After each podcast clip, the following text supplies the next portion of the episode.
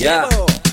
Ha, radio dialogue. Khuluma lami ngizwe ngunike indlebe. Umfundisi umduduze ngikhululeke ngikhuthane ngendebe. Ngiyimpembe uhamba phambili okozwane. Hhayi omuva njengesithende dialogue.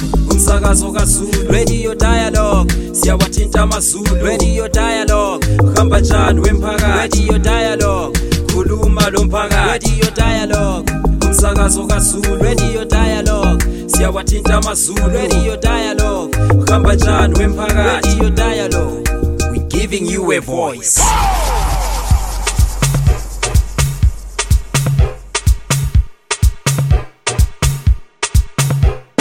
Greetings and welcome to the Dialogue Podcast, a podcast brought to you by none other than Radio Dialogue, your own community radio station. Sititina, let's chat about it. Whatever problem you have, whatever challenge you have in your community, Tina Sitivi salapha sixoxe ngayo. Yikho kanye sikwenzayo ke khona kyana.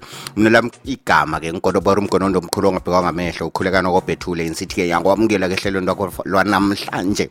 Ngamotsha isikhathi njengoba la uzazele khona phansi podcast luhlelo makhaza khona. If you want to get in touch with us, uh, you can uh, do so by using 0773284598 lapho ke ku WhatsApp ngafuna ukuhlangana lathi ke ku Twitter ihandle f @dialogue.fm ngafuna ukuhlangana lathi ke ku Facebook sebenzisa ke igama elifana nawo @dialogue.fm ngafuna ukusilandela ke ku Instagram sisebenzisa ke ihandle efana nawo ke khona phana. So okay namhlanje ehlelweni ke silani utafazwa chigandiwa khona phana ke omnye wentatheli zethu yo he went out and uh, he had a chat with brenda mudzimu uh, who is the goodwill ambassador for the people living with uh, disabilities. Injongo laphana beyikuthi ke sizama ukuzwisisa ukuthi kati lokho kwaqala ke ubhubhane lona lo le-covid-19 abantu ke bephila lokukhubazeka bona ke bebephila kanjani? Njalo baqhubeka bephila njani? Kuba affecte njani ke okuyisifo khonokho kuyi-covid-19 ngamotsha isikhathi awuthi sizwele kabanzi khona phana ke kuye ubrenda mudzimu Brenda Mudzimu uh, is um, lady with albinism and she's the registered general nurse um, uh, by profession.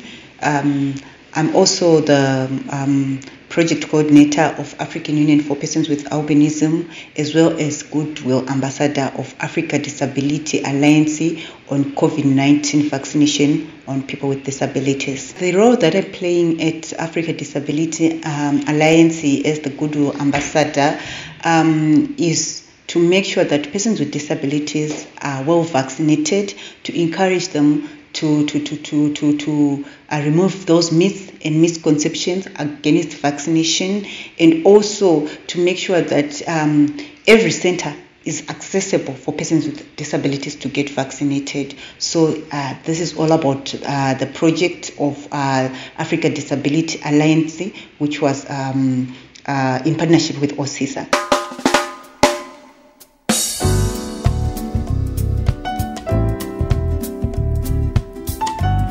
Now, Brenda, can you just uh, tell us uh, in brief how did you guys assist those in remote areas, uh, looking at the people living with uh, disabilities who are in uh, faraway places where the information doesn't get easily? Njalo thola ukuthi lento ezifana ke lapho manyuzphepha lapho internet ziyahlupha labancedisa njani laba bantu ngazona lezi izikhathi? All right. Uh, so, due to financial constraints, we were unable to visit the rural areas. So, um, what we were doing now, we were trying to advocate for COVID 19 vaccination through social media handles, through radios, uh, through newspapers to make sure that um, um, they reach to people with disabilities in different communities. So, we've done our best also to meet with uh, policymakers uh, to make sure that they encourage people with disability to get vaccinations, also uh, to do online meetings, and um, also uh, we've managed to uh, meet with um, government officials,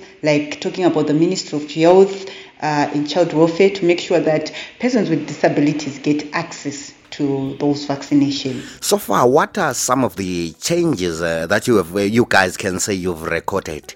Lutshintsho bani lusiba khona ngemva kwemfundiso zenu lani lani elizenzayo ebantwini? Uh, through this advocacy, we've managed to, to, to witness other people with disabilities who got vaccinated after we've um, uh, removed those myths and misconceptions. Uh, they managed to get their vaccination because what I was personally doing as the ambassador is to encourage them, saying that, look, I've been vaccinated. I received my first jab, my second jab, and my third jab.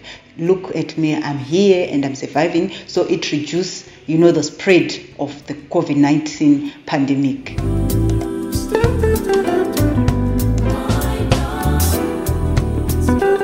I am dealing with those kind of myths and misconception that you see you've been vaccinated like for your immunization you, your immunization right now is up to date when when you got vaccinated when you're still young so there's nothing bad about getting vaccination as a person with disability uh, it, it it will reduce uh, the COVID-19 uh, pandemic. So yeah, I've been trying my best to make sure that they get their vaccination. And as a healthcare worker, I took this opportunity as an advantage, as a stepping stone to make sure that when people with disabilities um, want to get vaccination, I encourage them to come to my workplace and there is um, accessibility at um, where they were getting vaccination at Parenya because there's no need for ramp. There's no so we were just I was just assisting them in getting their vaccination. So I can say I encourage let's say um, I think around 30 to 40 people who came uh, through me to Parenya to get their vaccinations. When you are working at a certain facility, when you know uh, the challenges of your fellow people, whether they are visually impaired, I, I could take my time to assist them. If um, they are they have hearing impairment, I could take my time to go with them through the process so that they get their vaccination. So I, I'm, I'm sure my fellow nurses they, they understood about that. So I take my I, I always take advantage of my condition as a nurse, as a healthcare worker. That no, we are just uh, same people. We don't have a problem. But not knowing now on other centers of, or not talking about the hospital that I work, but other centers of our of, of you know of Zimbabwe you you don't find people with disabilities there as healthcare workers. So I'm sure that some people with disabilities faced a lot of challenges.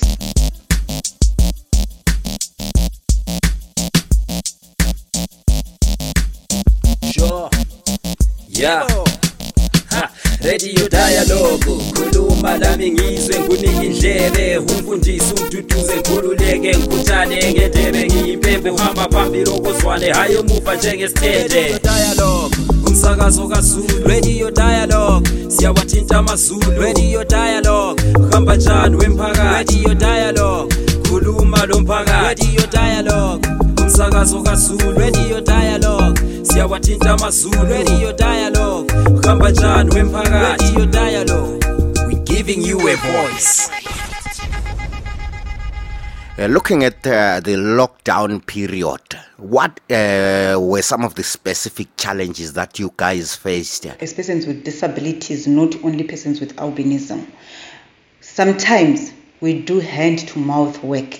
So if we do hand to mouth work, imagine you are now on lockdown, you are not going to work, you know. So you find that there was no food. Some of people they rent, you know. So where where were they going to get their rent from when they are supposed to go and work? They are vendors, you know. Sometimes we, we face the challenges of unemployment, you know. That is now the advantages of employment. But as persons with disabilities, we face unemployment, you know. So it was very hard to the extent as as for me as the director of Albinism Day to Dream Initiative, formerly Miss Albinism Zimbabwe Trust, I had to strategize like, oh, what are we going to do for persons with albinism? Then we had to to, to, to, to, to, to look for hampers, food hampers like mealie meal, those basics, and we just did the outreach in partnership with Rose, an organization which uh, look after people with um, disabilities and also vulnerable of gender-based violence people. So we just partnered and we distributed food to people with albinism.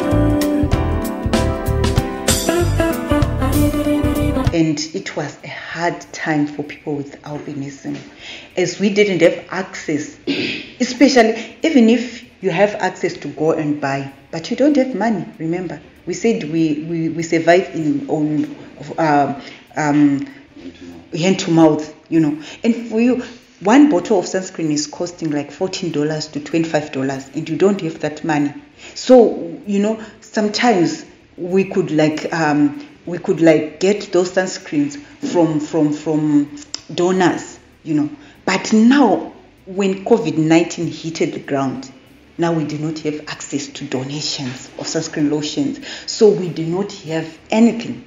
And i remember receiving a lot of messages like sister brenda i now don't have sunscreen lotion. So at that time also it was beyond my control. The situation was beyond the control because i could not even get sunscreen lotions from anywhere. So it was a very hard time to both people with albinism and people with disabilities we were kindly asking for us to have at least sunscreen lotions for free you know for the government to offer those sunscreen lotions for free because I, I, I, believe that everybody have right to health. Just like the are um, blood pressure um, um, pills right? There are asthmatic um, pills right? Talking about hiv and aids they are they get them for free. Just like albinism. You know the worst part of albinism is not acquired. Just like hiv and aids. So it means that we have the right to health because we need those sunscreen lotions you know for free. Otherwise we will die because of skin cancer. People with albinism are dying like dogs because of, of skin cancer. Because what we are doing the first thing is unemployment. When you are not employed then you are not able to buy sunscreen lotions. When you are unable to buy sunscreen lotions, when you are not employed, then this will force you to go into the field for the survival of your kids, for the survival of yourself. You know. So while I'm going to the field now, I'm exposing myself to sun. What is going to be the complication? The complication is going to be cancer and finally death. So you find that when you're unemployed, it will lead to to, to, to, to, to, to unable to buy sunscreen lotions. And it will lead to, to, to, to self-employment and exposing yourself to sun. Then sun, sun cancer finally death ye ngalokho-ke sesifike kongcengetshe ku-podcast yanamhlanje lapha kade sikhangele khona-ke indlela abantu abakhubazekileyo kade bephila ngayo njalo abaqhubeka bephila ngayo ngasona esike isikhathi se-covid-19 uzwele kabanzi-ke khonaphana ubrenda mudzimu ekhuluma ezicacisela nithemba la ufundile okunye okubili-ke khonaphana kade ungakwazi mayelana le ndlela abantu abakhubazekileyo abaphila ngayo. Kusukisela kimi-ke godobora umgonondo omkhulu ongabhekwa ngemehlo ngithi hayi kwanamhlanje kwanele. Nxa ufuna ukusilandela kulula kakhulu ihandle yethu kutwitter ngu-at dialog fm nxa ufuna ukusilandela-ke kufacebook esisebenzisa ke ikhasi elifananayo ipage yethu bizothiwa red dialogue fm dialog fm senilokhu ngisithi radio dialog. Eh, um ngafuna ukusilandela ku-instagram sisebenzisa ke igama elifana nayo dialog fm njalo ngafuna ukusilandela ke kuwhatsapp 0773284598 yo kanye inombolo yakhona ke yona leyana kusukusela kimi ke ugodobora umgondo omkhulu kithi sithanda ukuba ngakhulu ke kutafatswa ngokuzinika ke isikhathi sokuthi ke ayexoxisana ke lesivakatshi zethu ke se-podcast yanamhlanje. Ube losuku olumnandi.